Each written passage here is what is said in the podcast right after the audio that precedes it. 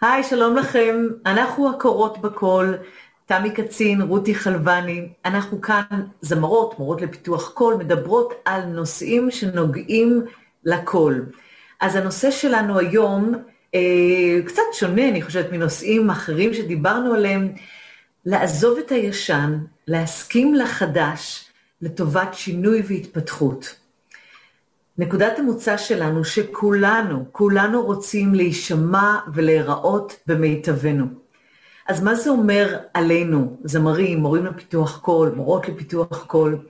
איך זה משפיע על ההתפתחות שלנו בשיעורי פיתוח קול? ומדובר בזמרים, אנשים שלומדים פיתוח קול, והמורים עצמם. אז אה, תמי, אני מעבירה לך ככה את הנושא הזה, אה, ובואי נפתח את זה כאן ביחד. נסכים לחדש. לפני שאני אגיב, אגיב על זה, אני רוצה להסביר, החדר הזה הוא לא שלי. זו תפאורה חדשה, אבל אני אחזור בקרוב לחדר שלי. זהו, לי אין כל כך הרבה ספרים, זה של בעלי. איזה אמ, ספרים. זה מטורף מה כן. שהולך כאן. אוקיי, כן. אה, אז זהו, אה, בעצם זמר שלומד אה, איזושהי טכניקה חדשה, בין אם הוא רק מתחיל ללמוד או בין אם הוא כבר למד הרבה זמן, אבל הוא פשוט לומד טכניקה חדשה, הוא חווה איזשהו זעזוע מסוים, טלטלה, שבה יש חוויה של אובדן. של משהו שהלך לאיבוד, משהו שהוא ידע היטב, שהוא הגיע לסאונד מסוים שהוא היה גאה בו, מספיק אוויר, אה, הוא ידע להגיש, הכל עבד, ואז הוא לומד משהו חדש, שהוא לפעמים אפילו סותר את מה שנלמד קודם, והחוויה היא של ערעור, של אה, אובדן דרך. אמ, ואנשים אומרים, תלמידים אומרים, מה קרה? אני הלכתי הביתה, התאמנתי על מה שלמדתי איתך, ואני... אה, אני מרגיש, איבדתי את היכולות שלי, פתאום לא הגעתי לגבוהים, פתאום לא הייתה לי מספיק נשימה, לא הבנתי מה זה התמיכה הזאת, היא גורמת לי. תכף נדבר אולי על דוגמאות יותר ספציפיות, אבל קודם כל מדובר כאן על התופעה הזאת, שאני חושבת שגם מורים שהם לא מספיק מנוסים נבהלים ממנה גם כן. אם תלמיד בא אחרי שבוע שהוא עבד על התרגילים שאני נתתי לו, והוא מספר לי דבר כזה בתור מורה מתחילה, אני הרגשתי אשמה. ותלמידים שלי בקורס גם כותבים לי את זה, הרגשתי אשמה מסוימת, אה, כי עשיתי אולי משהו לא נכון, והרבה פעמים הדבר היה מאוד נכון לתלמיד, והיה בדיוק מה שהוא היה צריך לשמוע, אבל, או mm-hmm. ללמוד, אבל הוא לא יודע איך להתמודד עם זה, וכולנו, גם זמרים וגם הורים, צריכים קודם כל להסתכל על זה כעל תופעה ידועה, שחוזרת על עצמה בכל תהליך למידה, ולדעת איך להתמודד איתה. כן. כן. אמ, אני חושבת שאחד הדברים אולי שנובעים ממה שאת אומרת, זה התחושה הזאת של האי-ידיעה. אני אה, נכנסת לתוך איזה תחום חדש, אני עוברת סגנון מוזיקלי חדש, או עברתי לעבוד עם מורה חדשה, מורה חדש, אה, טכניקה חדשה, אה, מישהו שעובר נגיד משירה קלאסית לשירה מודרנית יותר, או הפוך. זה כמו באמת לעבור ארץ, זה כמו לשנות אה, משהו מאוד בסיסי בחיים, וה, והשפה, בדיוק, זו שפה, שפה קולית חדשה שצריך להתרגל אליה. זה כמו שכשאנחנו לומדות, אה, אפילו כשאנשים לומדים אה, לנשום מחדש, או לעבוד בצורה אחרת. הרי רוב האנשים נושמים הפוך בעצם ממה שאנחנו אה, אה, רגילים לו, מלמדים אותו בפיתוח קול. אה, הנשימה הגבוהה היא מאוד common, כאילו אם תבקשי ממישהו ברחוב לנשום עמוק, כל מה שהם יעשו זה ירימו את הכתפיים וירגישו שזאת הנשימת הישרדות, כך מכניסים הרבה אוויר. ו... כדי לרוץ מהר. אבל, אבל בעצם כשעושים את השינוי המהותי הזה, בייחוד של זמרים אה, אה, חובבים, זאת אומרת, מה? כל הזמן נשמתי לא נכון? אז איך הייתי? כאילו, ברור שהשינויים אה, האלה, ברגע שעושים את השינויים יש בלבול. וצריך לקחת בחשבון שיש תקופה מסוימת כזאת, שיכול להיות שלא נדע מה היה נכון, נאבד קצת את ההרגלים הקודמים, עוד לא ניישם את ההרגלים החדשים, לא נתרגל אליהם, ובאיזשהו מצב באוויר. זאת אומרת, אין שליטה. זו מין תחושה כזאת של, אה, אה, של באמת בלבול אה, וחוסר אונים. ואני חושבת גם בתור מורה, אני חושבת, תמי, אני לא יודעת אם את יכולה לדעת ולהבטיח למישהו, מישהו, זה ייקח שלושה שבועות, או ייקח חודשיים, זה ייקח חצי שנה, ואז זה יעשה את המעבר, ואז יהיה טוב. אין לנו את, ה, את, ה, את היכולת הניבואית הזאת, המנבטת, מתי זה יהיה מוכן. נכון? כן. כן, זה מזכיר את הדוגמה של מרשם, את יודעת, יש לנו את רשימת חומרים. אם נעשה בדיוק בדיוק, יש סיכוי שזה יצא בדיוק בדיוק, אבל עובדה, עובדה. אני לקחת את המתכונים מחמותי, היא מה זה טורחת ומסבירה לי הכל, היא מצליחה בצורה בלתי רגילה, אני בינוני ומטה. אותו מתכון. זאת אומרת, אי אפשר להבטיח אה, בדיוק בדיוק איך הדברים יצאו, ואני חושבת שזה, אה, אנשים מאוד רוצים, כיוון שהם רוצים להישמע במיטבם, כמו שאמרנו, אז הם מאוד מאוד רוצים לדעת שזה בדיוק יוביל אותם לקול מסוים, לסאונד מסוים. אי אפשר לדעת בעצם לאן זה יוביל אותנו. אפשר לתאר, אפשר לתאר לעצמנו, ליצור איזשהו חזון. אה, נעשה כך וכך תרגילים כדי להוביל אותך להיות מסוגלת לשיר בלטינג בצורה בטוחה, אבל הבלטינג שלך לא יהיה הבלטינג שלי. זאת אומרת, mm-hmm. אני, אין לי מרשם כזה קבוע, כי גם אם אני מלמדת אותך מה שטוב לי, בדרך אני שומעת דברים שקורים אצלך, שהם שונים, נכון. ואני אלך עם זה כי הם יותר יועילו לך. זאת אומרת, באמת צריך נכון. להישאר פתוח, ולהסכים כן. להתערער קצת, או הרבה. כן. אני כן. רוצה להזכיר איזושהי, אמ, לספר איזושהי דוגמה שקראתי, בפוסט נורא יפה על מישהו בתחום אחר לחלוטין, שממש אה, עשה לי את ה, בעצם את ההשראה לדבר על, ה, על השיחה היום. אמ, ציפור שהיא עפה מענף לענף, היא יושבת על ענף אחד, יש לה אה, מקום בטוח לרגליים, ואז היא אולי לא יודעת אפילו, בואי נדבר על המצב הזה שהיא לא יודעת בדיוק איפה הענף הבא יהיה. אז הזמן הזה שהיא נמצאת במעוף בין הענפים הוא הזמן של חוסר ודאות, אין בית, אין יציבות, כל הדברים האלה שאנחנו כל כך רוצים שיהיה לנו, זה פתאום זמן של כמעט ריק. ויש את ה, יש דרך, זה הכל, יש דרך. אני יודעת שאני רוצה להגיע לענף הבא. אני רוצה להגיע כן. לקול המסוים הזה, לטכניקה המסוימת, לסגנון הזה. אני כן רוצה להיכנס טיפה לפרטים אה, של, של מה אנחנו יכולים לעבור שינוי, אבל הזמן הזה הוא השינוי שקורה לנו בשיעורים. Mm-hmm. ואם נסכים לזה, פחות ניבהל, פחות נעצור את התהליכים, כי בעצם כן. זאת הסכנה בהתנהג... בהרגשה הזאת, שזמר, או שהוא יעזוב את השיעורים לגמרי, הוא יגיד, זה לא הולך, אני מעדיף להיצמד לנשימה הגבוהה הזאת, אבל לפחות הספיק לי קודם והצלחתי לשיר, או שהוא אה, יעצור את התהליך, הוא, הוא אה, יהיה במין ללכת צעד קדימה ושניים אחורה כל הזמן, כי הוא מרגיש. את החוסר את החוסר ניקיון, את החוסר יופי, זה לא בדיוק הדרך להגיד את זה, אבל משהו נעלם בקול שלו. מצב ביניים. כן, mm-hmm. כן. כן, אז זה לא נעים. אתה יודע שבסוף תגיע לענף הבא, אבל תסכים להיות בעריק הזה. אה, אני אומר, אני נתתי לך דוגמה קודם, אני חושבת שזו דוגמה אה, מצוינת, אה, על הצורך לשלוט בעניינים. אז למשל, אני יודעת כשאני עושה, הולכת לקראת איזושהי פרוצדורה רפואית למשל, שהיא מפחידה את כולנו, כן? אנחנו רוצים לדעת כמה זמן היא תהיה, כמה יכאב לנו, מה נרגיש אחר כך, מה צפוי לנו כמה ימים אחר כך. אה, אנחנו חוקרים ושואלים, זה, זה שאלות של חרדה כאלה, כן? וכשאני באה לשאול, הרבה פעמים רופא חתום יכול להגיד לי, אה, זה יכאב לך יום אחד או משהו כזה, ואני רוצה ללכת לרופאה הזאת שתגיד לי, כמה זמן, תני לי, תני לי להתכונן, תני לי לחשוב, ולפעמים אני אופתע, או שאני ארגיש טוב יותר, או שאני ארגיש רע יותר, זה תלוי מה, לא תמיד אפשר לדייק לי ולהגיד לי בדיוק איך הגוף שלי יקבל את הפרוצדורה לעומת מישהו אחר. אבל יש לנו צורך, שאנשים באים ללמוד פיתוח קול, שואלים אותי, מישהי שאלה אותי השבוע, וזמרת שיש לה קול טוב, אומרת, רותי, כמה זמן נראה לך? אני יודעת שזו שאלה ממש לא הגיונית, והיא הבינה שזאת לא שאלה טובה, אבל עדיין היה בה צורך לדעת מתי היא תעבור את השלב הזה, שהיא תוכל לסמוך על הקול שלה לגמרי, ש, שהיא תוכל לשיר בברטינג שהיא רוצה, שהיא תישמע טוב בכל, בכל מקום בקול שלה.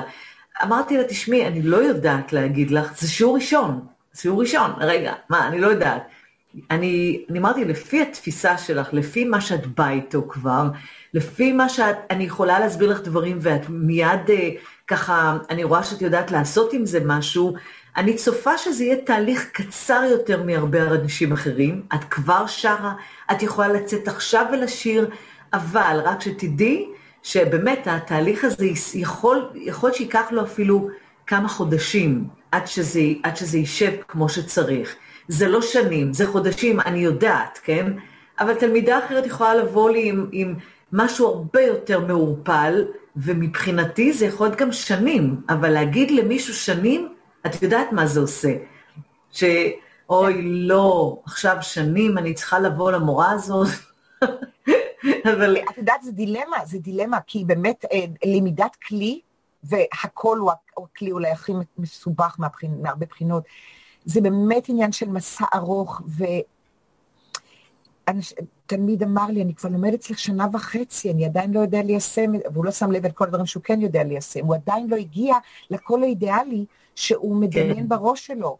זה כן. דילמה, מה, אני לא יכולה להבטיח, זה לוקח זמן לשנות ולהסכים להשתנות ולא לשיר כמו שאתה עשית קודם, לעשות כן, משהו. בדיוק.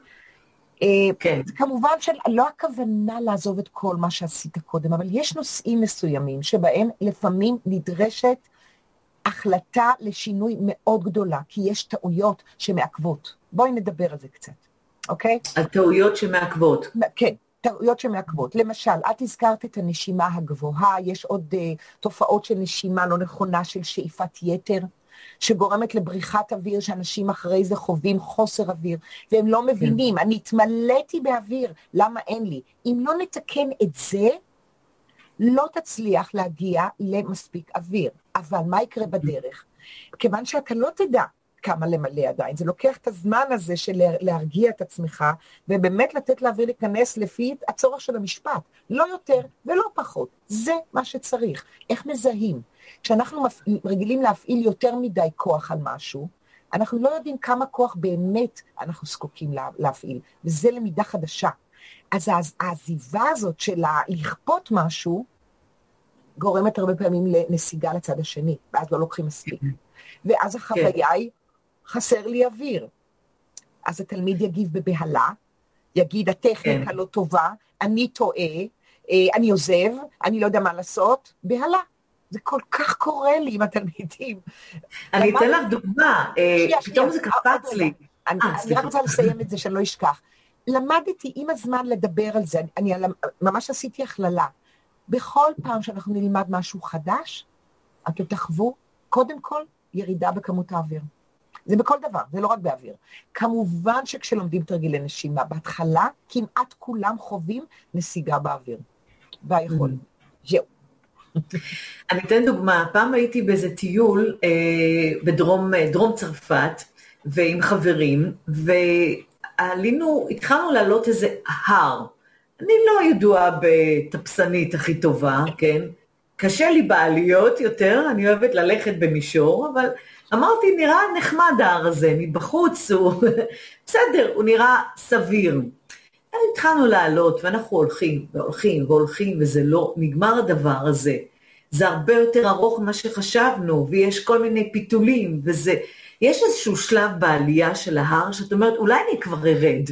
מה הטעם לעלות? אני לא יודעת עוד כמה יש לי להגיע עד הפסגה, לא הייתי שם אף פעם, לא פגשתי אף אחד שיודע מה זה, אני בארץ זרה, אז אולי מהנקודה הזאת, כבר הלכתי הרבה, אני ארד חזרה.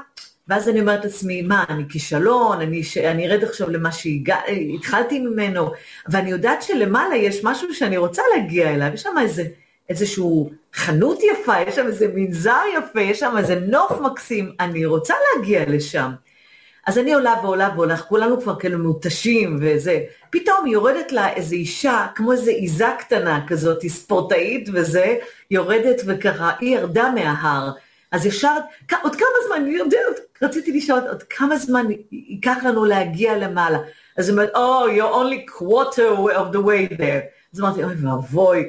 אבל היא אמרה, אתם רבע הדרך רק, זאת אומרת, יש לנו עוד שלושת רבעי דרך ללכת, אבל לפחות יכולתי לחשוב כמה יש לי עוד כדי להגיע לשם. זה הספיק לי מה שהיא אמרה, כן? ובסוף כשהגעתי לשם, ראיתי את הנוף, וראיתי את החנות שרציתי, ואת הנוף, את כל מה שחיכיתי לו, הייתה לי תחושה נהדרת, שהצלחתי לעלות למרות שהתייאשתי כל כך הרבה פעמים בדרך, ואף אחד לא יכול להגיד לי מתי אני אגיע לשם. אז, אז זהו, אין לנו GPS שיכול להגיד לנו מתי נגיע, ו-Waze כזה של המסלול הקולי שלנו, וזה, אנחנו צריכים להסכים להיות בחוסר ידיעה הזאת, אבל לסמוך על מי שמוביל אותנו, ושיהיה לנו מישהו שמוביל אותנו. כן, זה תנאי מאוד מאוד חשוב, כי באמת, ה... הנה דיברתי קודם על החוסר אמון שיכול להיווצר אה, בין התלמיד למורה, אבל גם המורה לגבי עצמו, שיכול להיות כן. חוסר אמון עצמי. אה, וזה מאוד מאוד חשוב, כן, לדעת שזאת הדרך, ושזה מה שיקרה בדרך. אני רוצה עוד קצת דוגמאות אה, טכניות כדי לעזור לאנשים לזהות שזה בעצם קורה להם. אני חושבת mm-hmm. שזה עוזר וזה מנחם וזה מחזק. אה, בנוסף לנשימה, אה, הנושא של רגיסטרים הוא מאוד, בעיה מאוד מאוד נפוצה. כן. מי שרק מתחיל ללמוד הוא בדרך כלל שר ברגיסטר אחד, שהוא הכיר אותו באופן טבעי בלי לדעת מה הוא עושה, או שהוא חיכה מישהו, או שהוא... אה, אה, זה מה שיצא באופן טבעי מהקול שלו. וכשהוא נחשף לרגיסטר חדש, הוא בדרך כלל יחווה ערעור מסוים קולי אה, באזור הזה. אה, גם צילי הראש וגם הצילי החזה, זאת אומרת, אה, שניהם, כשהם זרים לנו, הם בדרך כלל יותר אווריריים, לא יציבים, ירעדו, אה, אין שם יופי, אסתטי. וזה בדיוק המקום הזה שממנו התחלנו את השיחה. הקול שלי לא יפה עכשיו, הוא רועד, הוא לא יציב. מה עם כל הצבעים? מה עם כל העוצמות שלי? מה עם כל הביטוי הרגשי שלי? וזה יכול לעכב את ההתפתחות, אלא אם כן זוכרים את כל מה שאנחנו אמרנו, זה בסך הכל זמני, זו דרך, וכמובן, כמובן שאפשר להתגבר על זה. זה כל כך חשוב כן. לזכור את זה. כן, אה, אה, ואני חושבת שכשמורים הם יותר מנוסים, הם כן, כמו, כמו שאמרתי, הרופא, הדוגמה של הרופא, או אה, מישהו שכבר היה בתהליך הזה וליווה תהליכים כאלה הרבה זמן, ולמרות שכל אחד שונה כמובן מהשני, אז, אז יש לנו כבר איזשהו, איזושהי אה, ידיעה למורים, אלו שעובדים כבר הרבה שנים, או אלו שבאמת, אה, כמו איזו התמחות כזאת, זה לדעת שזה לוקח זמן, וזאת התחושה, ככה מרגישים. זה בסדר להרגיש שפתאום הרגיסטר שישבתי עליו המון זמן, כל החיים שלי, הוא מתערער לטובת משהו אחר. כאילו הוא מקבל אורח חדש, הוא פתאום מקבל אם זה רגיסטר ראש, הוא מקבל את רגיסטר החזה, או הפוך, ואז הם אומרים, אוקיי, בוא נכניס אותו לחיים שלי, בוא נכניס אותו לקול שלי, לאט לאט, ונראה מה הוא הולך לעשות שם. ובאמת, שוב, להסכים שאני לא אשמע אותו דבר. שיהיה פה שינוי, אבל לטובה.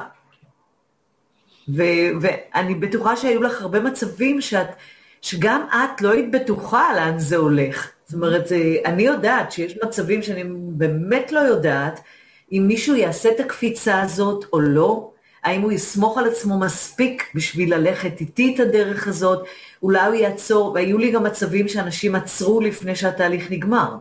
זה באמת מאכזב, והם הלכו אולי למורה אחרת או מורה אחר, ולא בטוחה שהם סיימו את הדרך שם.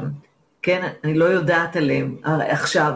אז להסכים גם להיות עם, הבן, עם המורה שמלווה אותך והמדריך שלך, הקואוצ' שלך, עד לסיום התהליך, או זה גם משהו, זה אומץ, זה דורש אומץ, תעוזה, נחישות, כל מה שזה אומר. זה עבודה של ביחד. אוקיי, okay, נראה לי שאנחנו יכולות לסכם את השיחה הזאת, שמה שנדרש בעצם משני הצדדים זה הסכמה לשינוי, להתפתחות, ולדעת שבדרך היא לא תמיד תהיה חלקה, הדרך לא תמיד תהיה חלקה, ואם אנחנו mm. מסכימים לזה, אה, הדרך יכולה להיות נפלאה בהמשך. בדרך כלל זה מה שקורה. בדיוק, בדיוק. Mm-hmm. אז אה, יופי, אני מאוד שמחה על השיחה הזאת, ככה היא גם מעוררת בי כל מיני מחשבות, וגם על, ה, על להסתכל על הביטחון שלי בדרך שלי, שהיא לא רק בפיתוח קול, יש לי עוד דברים ו, שמעניינים אותי, שההתחלה שלהם נראית לי כאילו, אני לא רואה את הסוף של זה, אבל להאמין גם למי שמדריך אותי וגם לעצמי, שאני מסוגלת לעשות, לצלוח את ה... שיש לאן להגיע, ששווה, שווה להישאר בזמן הזה שהמצב הוא קצת עפרפר, מעומעם ולא ברור. ואני לא אשמע ואראה במיטבי לתקופה הזאת. So what? הדרך בין ענף לענף. כן. אני לא מספיק קלה כדי לעוף מענף לענף, אבל... פה את יכולה. פה אני יכולה לעוף לכל מקום, זה נכון. נכון. יופי. טוב, תודה רבה, תמי, על השיחה. ואנחנו ניפגש בשיחה הבאה שלנו, להתראות. ביי.